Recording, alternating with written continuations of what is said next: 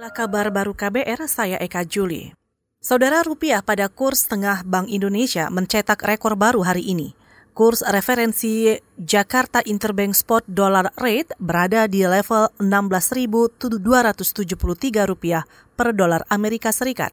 Posisi ini membuat rupiah sebagai dasar transaksi perdagangan yang dilakukan dengan valuta asing melemah 3,57 persen dibanding hari sebelumnya yang ada di angka 15.712 rupiah per dolar Amerika Serikat. Ini juga rekor terburuk rupiah sejak krisis moneter 1998 lalu. Dan ini juga menjadikan rupiah sebagai mata uang dengan pelemahan terdalam di kawasan Asia, bahkan terburuk dalam 22 tahun terakhir. Lonjakan kasus virus corona di Indonesia menjadi sentimen pemberat rupiah, ditambah dana asing yang keluar deras dari pasar keuangan dalam negeri. Hal ini membuat pelonggaran kebijakan yang dilakukan Bank Indonesia belum berpengaruh signifikan.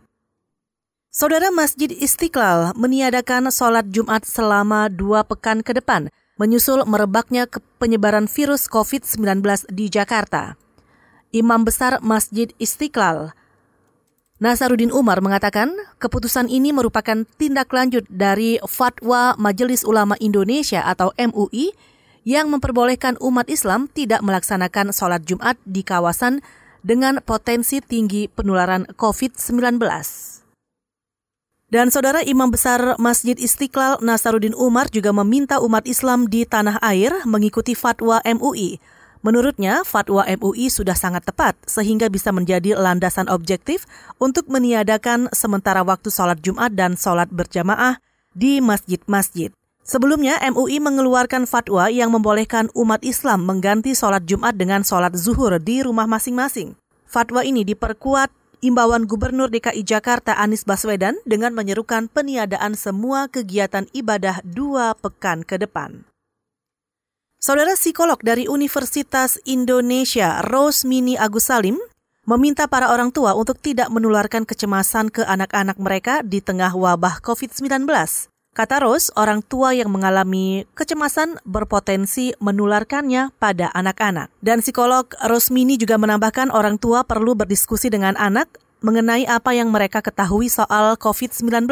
Selain itu, orang tua juga harus memberikan edukasi yang baik kepada anak mengenai cara pencegahan penyakit ini. Saudara Cina Daratan kembali melaporkan tidak ada kasus virus corona yang menular secara lokal selama dua hari berturut-turut. Wuhan, ibu kota provinsi Hubei dan pusat wabah virus ini melaporkan kasus baru yang tercatat merupakan kasus impor dari kota lain. Dikutip dari Reuters, Komisi Kesehatan Nasional mengatakan ada 39 pengidap baru COVID-19 yang semuanya merupakan kasus impor. Sebanyak 14 di antara infeksi impor itu muncul di Guangdong, 8 di Shanghai, dan 6 di Beijing. Saudara demikian kabar baru, saya Eka Juli.